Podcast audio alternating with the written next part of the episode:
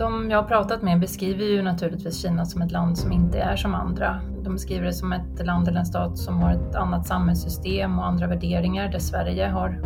Och den som säger det är Anna Reneus Guthrie, aktuell med en ny rapport här på Frivärd. Och det är just den rapporten vi ska prata om, Temperaturmätare Sverige-Kina.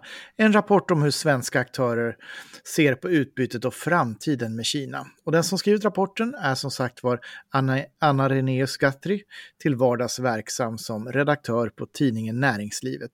Anna, välkommen till podden. Tack så mycket. Du har ju tittat på hur företag och universitet resonerar när det gäller just relationen till Kina och vad de säger om framtiden. Och om jag börjar med den här inledande temperaturfrågan för att fånga in vad ligger i spannet. Är det stekhet dag på stranden, klassisk svensk midsommarafton, du vet 10 grader hällregn eller en kölsmocka? Hur skulle du beskriva det? Ja, man kan väl säga att även om det i mångt och mycket är business as usual för de flesta så har det börjat blåsa lite snålt i närområdet och ja, man har börjat se sig om efter var man har hängt den där regnjackan utifall att den skulle behövas snart. Så ja, kanske ett klassiskt svenskt midsommarväder som temperaturmetafor. Mm. Och studien du har gjort är ju en intervjustudie. Deltagarna är anonyma. Men kan du berätta lite mer om urval, metod, upplägg? Ja, jag har ju valt att prata med ett mindre antal personer mot löfte om anonymitet. Och det är personer i företag och ute på lärosäten som har en djup insyn och även ansvar kring verksamheters mål och riktning. Och syftet var ju att känna de här organisationerna på pulsen kring frågan om samarbete och utbyte med Kina eftersom det är ett så pass eh, stort och aktuellt ämne. Eh, det har skett genom framförallt enskilda samtal på telefon där ett antal av frågorna har varit på förhand givna och de flesta har kunnat förbereda sig något.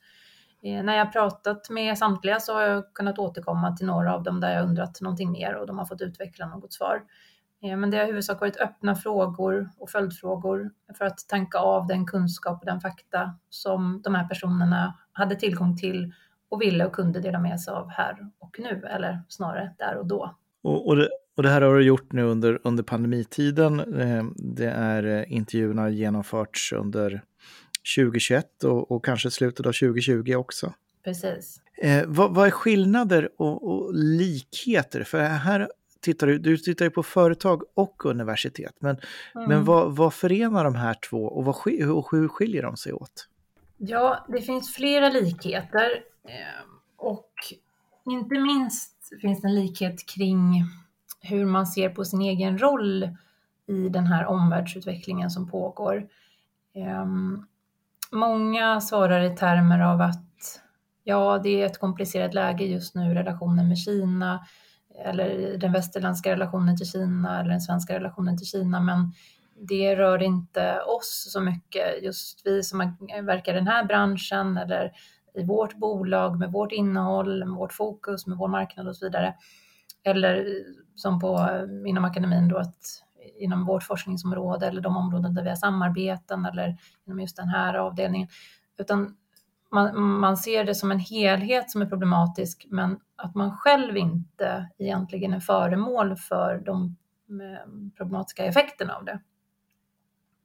Det tycker jag var en eh, likhet som var intressant.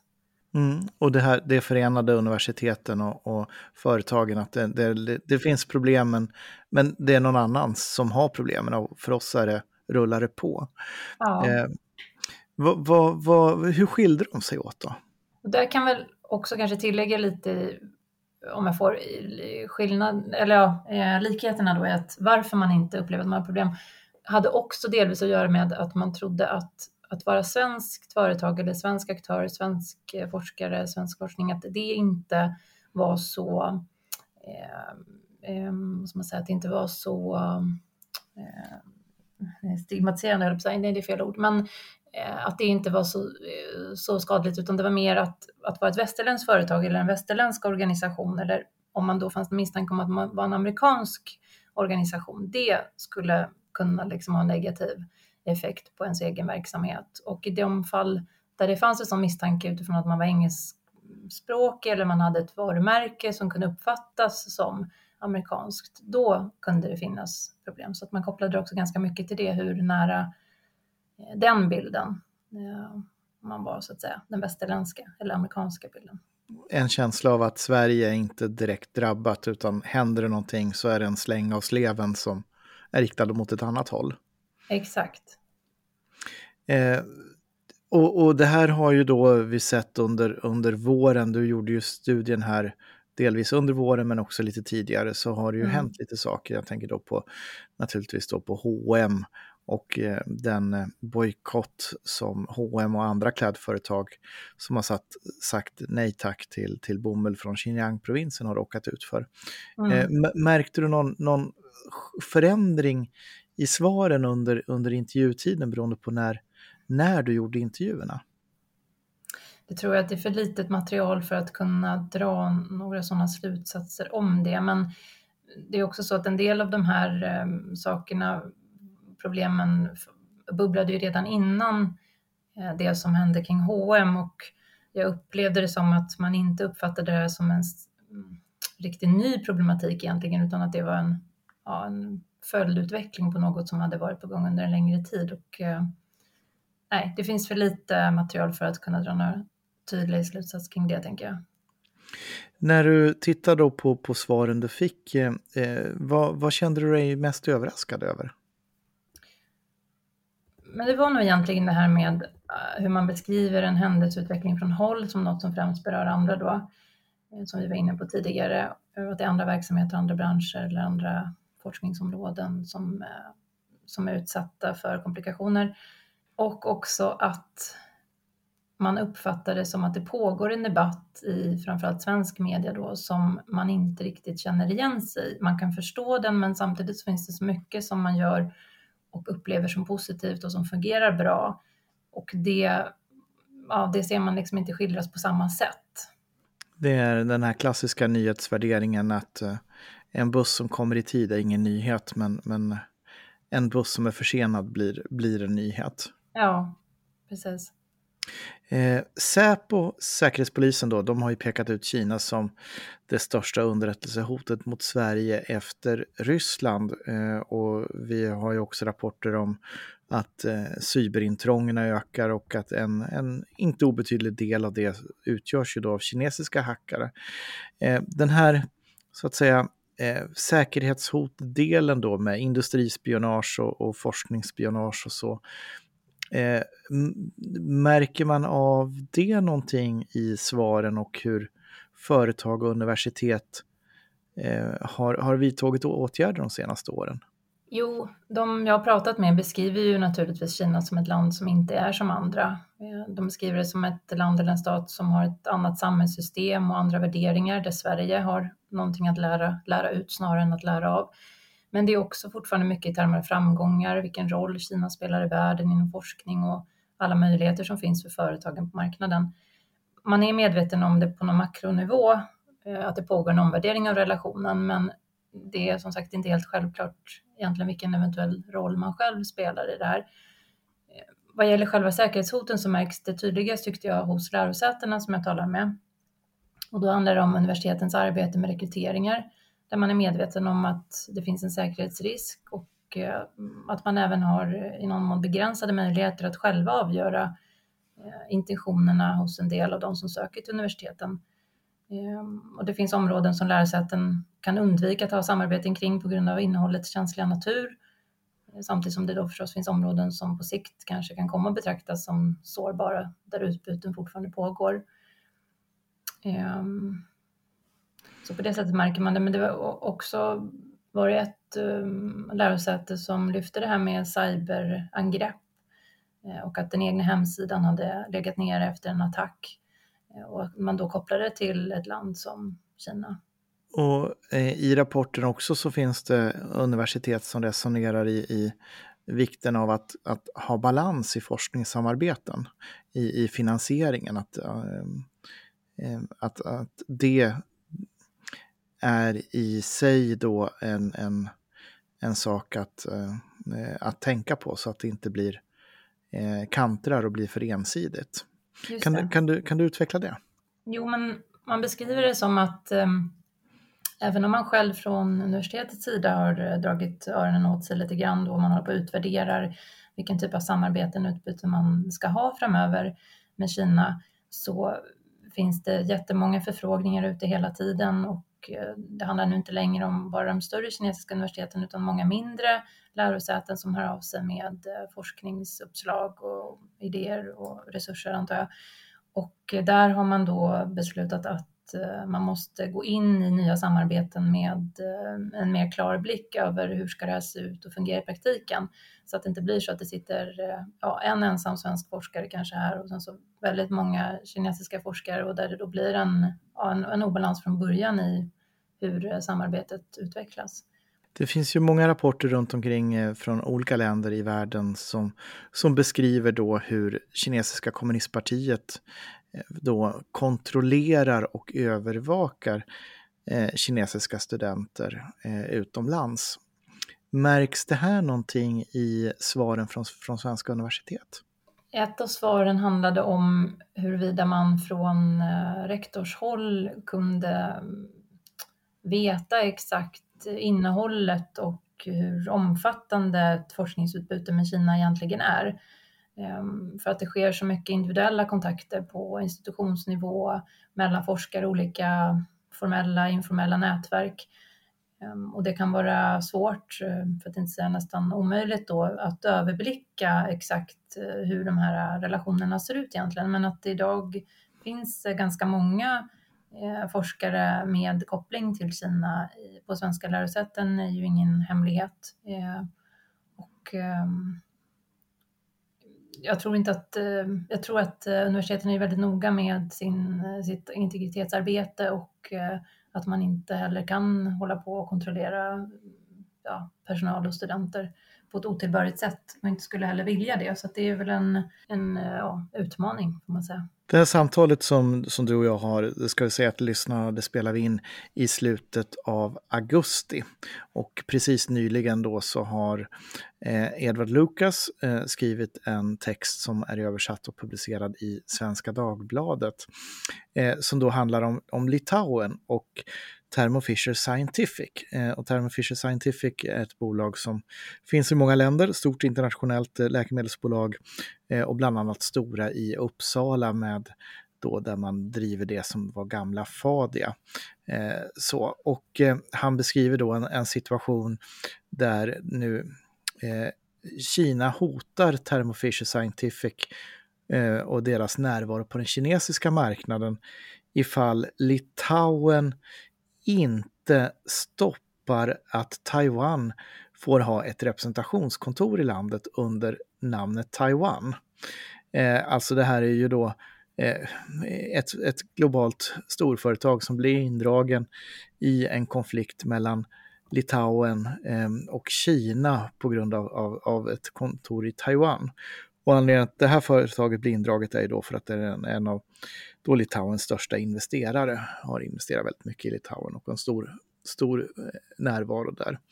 Eh, och det här brukar ju då, kan man ju då beskriva som en hybridpåverkan, eh, alltså sätt som går bortanför det normala umgänget mellan stater och, och eh, eh det vi brukar kalla för public diplomacy. Eh, och, och, det är ju cyberangrepp, ekonomiska uppköp av strategiska tillgångar, spionage, utpressning mot diaspora, ekonomisk korruption eller som i det här fallet då ekonomisk utpressning mot ett land. Men vi har också kidnappningar av människor från tredje land och fängslande av utlänningar i Kina som till exempel de två kanadensare som har då plockats eh, som hämnd för att Kanada prövar en utlämningsbegäran av Huaweis finansdirektör till, till USA. Eh, jag, jag, tar upp det här och breddar lite grann perspektivet då, vad, vad är det för miljö vi, vi rör oss i. Hur, hur skulle du säga att de du intervjuar har fångat den här oerhört mångfacetterade globala spelplanen där det för en utomstående kan te sig tämligen slumpartat vem som blir indragen i vad. För att det är väl ingen som spontant tänker att Thermo Fisher skulle ha någon, någon, bli någon slagträ mellan Litauen och Kina, ett amerikanskt eh, multinationellt bolag.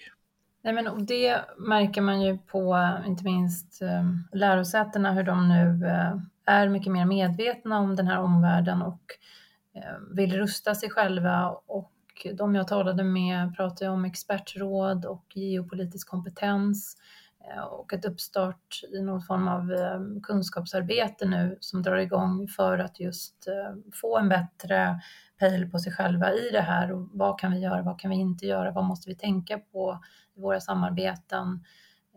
Och inser att eh, den, eh, den kompetensen sitter man inte på själv trots att man då liksom, tunga kunskapsorganisationer men man har inte den eh, spetskompetensen. Och, och, därför så tar man hjälp med det nu och man har även, som jag tolkade eller uppfattade en mycket större mm, dialog sinsemellan också. Hur gör ni? Vad kan vi göra tillsammans för, att, för att hantera den här situationen bättre? Så man är ju i högsta grad, i alla fall här, medveten om det. Sedan är det lite svårare att säga vad det kommer att leda till i längden. Så förstås. Men... Och här nämner du ju då att det är universiteten framför allt som, som gör det här. Eh, ser, du någon, ser du en liknande rörelse men inte lika tydlig hos företagen eller, eller har det här inte, eller ligger man längre efter eller, eller har man redan gjort sin hemläxa i förväg? Ja, men jag tänker att det är viktigt att tänka på att många företag har haft verksamhet länge i Kina och för många företag så går det väldigt bra på den kinesiska marknaden och eh, man har eh, bra samarbeten och ehm, det, det fungerar väl. Och på något sätt så har man ju lärt sig över tid att hantera ja, en eh, ganska nyckfull, ehm, nyckfull part som Kina ändå får betraktas som. Det handlar ju liksom om dagliga saker som kan ändras, ehm, nya regler, ehm, nya sätt att arbeta, kontroller och det har man ju anpassat sig till under väldigt lång tid. Ehm, man har ofta hjälp av partnerbolag och andra för att orientera sig i den här eh, världen. Men så länge man inte uppfattar att det påverkar affärerna negativt så tänker jag att man inte har ett väldigt stort incitament för att förändra någonting här och nu vad gäller just den egna affärsverksamheten, vilket är helt logiskt. Det, det rullar på, på med andra ord. Mm. Eh, i, I Sverige så har ju då Kina kommit på, på eh, rubrikerna ganska mycket mer rejält eh, efter att eh, vi fick en, en, ny ambassadör, ny och ny. Nu har han väl suttit i snart fyra år, eh, Gui Kongyo, eh, som har varit väldigt frän i tonen och eh, då bland annat hotat och läxat upp eh, svenska politiker, debattörer, eh, journalister etc. etc. Det här är någonting som vi på Frivärd har uppmärksammat också i, i rapporter, eh, hur, hur ambassaden jobbar på att attackera och tysta kritiker genom hån eh, och direkta och indirekta hot. Eh, och sen så har vi det här med att Sverige stoppade Huawei i, i 5G-nätet tillsammans med ZTE. Eh, och, eh, och sen så ovanpå det så har vi förstås den svenska medborgaren Gui Minhai som eh, kidnappades från Thailand och sitter fängslad i, i, eh, i Kina. Eh, hur skulle du beskriva alltså den, den, de eh, händelsernas intryck på dem du har intervjuat? Finns det i bakgrunden? Ligger det mer i medvetandet eller, eller är det liksom någonting som man inte ser direkt berör deras vardag? Ja, jag tror man kan börja där, att jag tror att det inte är någonting som direkt berör deras vardag. Och sedan så får man ju se det mot bakgrund av att jag tänker det har under så många år pågått en väldig marknadsföring om hur Sverige ska satsa just på Kina, att det också blir nästan lite märkligt nu att det nästan är precis tvärtom i det samtalsklimatet kring Kina. Det var ju inte alls så många år sedan som ledande politiker bjöd in stort och det har funnits flera viktiga symboliska affärer som har satt den här relationen på en särskild pedestal. Jag tror till och med Björn Björklund som utbildningsminister var ute och pratade om att mandarin skulle läras ut brett i skolan. Och det säger ju någonting också om hur attraherade Sverige har varit av Kina. Sen har det här förändrats och det har ju skett ett antal eh, liksom, viktiga gränsförflyttningar, eller man ska säga, också i den diplomatiska retoriken. Eh, och det är ju klart att eh, det tar man ju intryck av, men det är nästan som att det fortfarande är ett ganska stort glapp mellan de här sakerna. Ehm, mellan eh, de här påtryckningarna som sker mot svenska journalister i Sverige från officiellt kinesiskt håll. Och den här betyd hur betydelsefullt det är att vara på plats i Kina och de globala ekonomiska kretsloppen och Kina som forskningsnation och särställningen inom en rad områden. Det är som att de här sakerna sker lite vid sidan om varandra. Och här pekar du på den, den, så att säga, det som har egentligen varit normen eh, fram till, till bara för några år sedan. Det vill säga att Sverige var ju tidigt med att skapa en relation med Folkrepubliken. Det var väl första västland tror jag som etablerade eh, diplomatiska förbindelser om jag minns rätt. Eh, och sen gjorde ju till exempel Torbjörn Fälldin en, en, en, en stor Kina-resa ehm, eh, när han var, var, statsminister. Så att det har ju funnits, som du säger, då, en, en länge. Och sen Göran Perssons besök i Kina kommer kanske en del eh, ihåg också. När han, han eh, eh gav uttryck för beundran för den kinesiska stabiliteten. Eh, så att det är ju Eh, det har ju funnits en, en, en långvarig svensk Kina-förälskelse eh, som, som eh, sätter sin prägel. Eh, och så nu är vi i någon slags brytningstid till den här förälskelsen. Eh, om vi blickar framåt, eh, vad, vad, är bilden bland de du har intervjuat om, om framtiden? Ja, men den är ju framförallt ganska ljus och positiv. Det är fortfarande mest business as usual. Kina är ett av de viktigaste länderna, mark både marknadsmässigt för näringsliv och forskning. Och den positionen ser närmast oryckbar ut just nu sett till vad som sägs. Um, och den här hetsiga tonen då som stundom dominerar debatten ger inte, i alla fall inte hos de som jag har talat med, ett direkt avtryck i det praktiska utbytet. Sen finns det förvisso exempel där man pratar om att man ser över sina kedjor och att man även tittar på andra alternativ för att kunna vara beredd om någon ytterligare förskjutning sker. Så man är väl medveten om att eh, det här kommer att utveckla sig på något sätt eh, den närmaste tiden, men hur är fortfarande för tidigt att säga och hur det påverkar svenska aktörer är överlag tror jag fortfarande också är lite för tidigt att säga. Nu har jag precis eh, befordrat dig. Nu är du rektor magnificus på ett stort svenskt universitet. Alternativt eh, en eh, vd på ett stort svenskt börsbolag som har Kina som en viktig marknad både för försäljning och, och produktion. I de här två rollerna med de här två hattarna, vad skulle du då göra? När det gäller Kina? Vilka, eh, vilka åtgärder skulle du vidta eh, om, du, om du nu hade eh, makten att genomföra dina råd och slutsatser av din studie? Ja, det är en intressant fråga. Eh, många olika experter har väl under en längre tid nu egentligen lyft betydelsen av att Sverige behöver en ökad kompetens och kunskap om Kina och specifikt kinesisk kultur. Och mer kunskap är förstås alltid önskvärt och bra.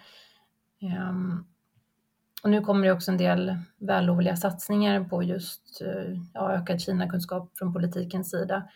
Men sånt här har en tendens också att komma nästan i elfte timmen och det är först nu när vi egentligen är ganska djupt sammanlänkade som vi plötsligt ska lära känna varandra. Ehm, det jag skulle göra, tror jag, är att fundera på hur den långsiktiga kostnaden ser ut ehm, för svenska aktörer givet att Kina fortsätter att utvecklas i den här riktningen som man rusar mot idag, vad kan kostnaden för det bli på lite längre sikt? Ehm, och fundera över de frågorna som handlar om, spelar det någon roll för forskningsrelationen ser ut eh, för svenska journalister, hur de behandlas av kinesiska företrädare på plats i Sverige? Ehm, och ja, borde svenska lärosäten kanske vara mer aktiva och ta avstånd när det handlar om övertramp på den svenska yttrandefriheten i Sverige som sker. Men ehm, ja, det är ju en svår fråga. Ehm, men någonstans så handlar det ju om att slå vakt om västerländska och svenska värderingar i kontakten med Kina. Ehm, och att göra det på ett så smart sätt som möjligt. På lite längre sikt så är det väl så att om den svensk-kinesiska relationen blir svår för svenskar i Sverige, då är det väl sannolikt att det också kommer att kunna märkas i olika aktörers intressen och engagemang. Så mer kunskap är alltid bra, men det är en komplex fråga. Det är svårt. Om jag ska sammanfatta dig, mer kunskap, lite, lite riskkalkylering på sikt, eh, eh lite spridning av äggen, eh, och eh, eftertänksamhet i, i, i, i relation och i görande. Ja, definitivt. Och det är jag säker på att det är många redan som ägnar sig åt. Eh, då eh, allra, allra, allra sist, eh, om du ska säga i kort, eh, vad ska man bära med sig när man läser din rapport? Ja, men det, är en, eh, det är ett mindre urval av ett antal representanter för näringsliv och akademi som har fått Eh, komma till tals i den här rapporten. Det är självklart ingen heltäckande beskrivning av hur läget är idag, men jag tycker ändå att det är en intressant, eh, ett intressant eh, nedslag i hur man tänker och resonerar kring en fråga som verkligen just nu befinner sig mitt i den svenska debatten. Men man ska ju såklart fortsätta att eh, lyssna på andra röster också i det här sammanhanget. Tack så mycket Anna-Renée Guthrie och din rapport finns ju att läsa på frivärd.se, vår hemsida alltså. Och du har just lyssnat på en podd från Tankesmedjan Frivärd. Jag heter Patrik Oksanen. Rösten i början tillhör Dino Ekdahl som också gjort bearbetningen. Podden finns där poddar finns. Prenumerera gärna så att du inte missar ett av våra avsnitt. Och kom ihåg, Sverige är värt att försvara. Motståndet upphör aldrig.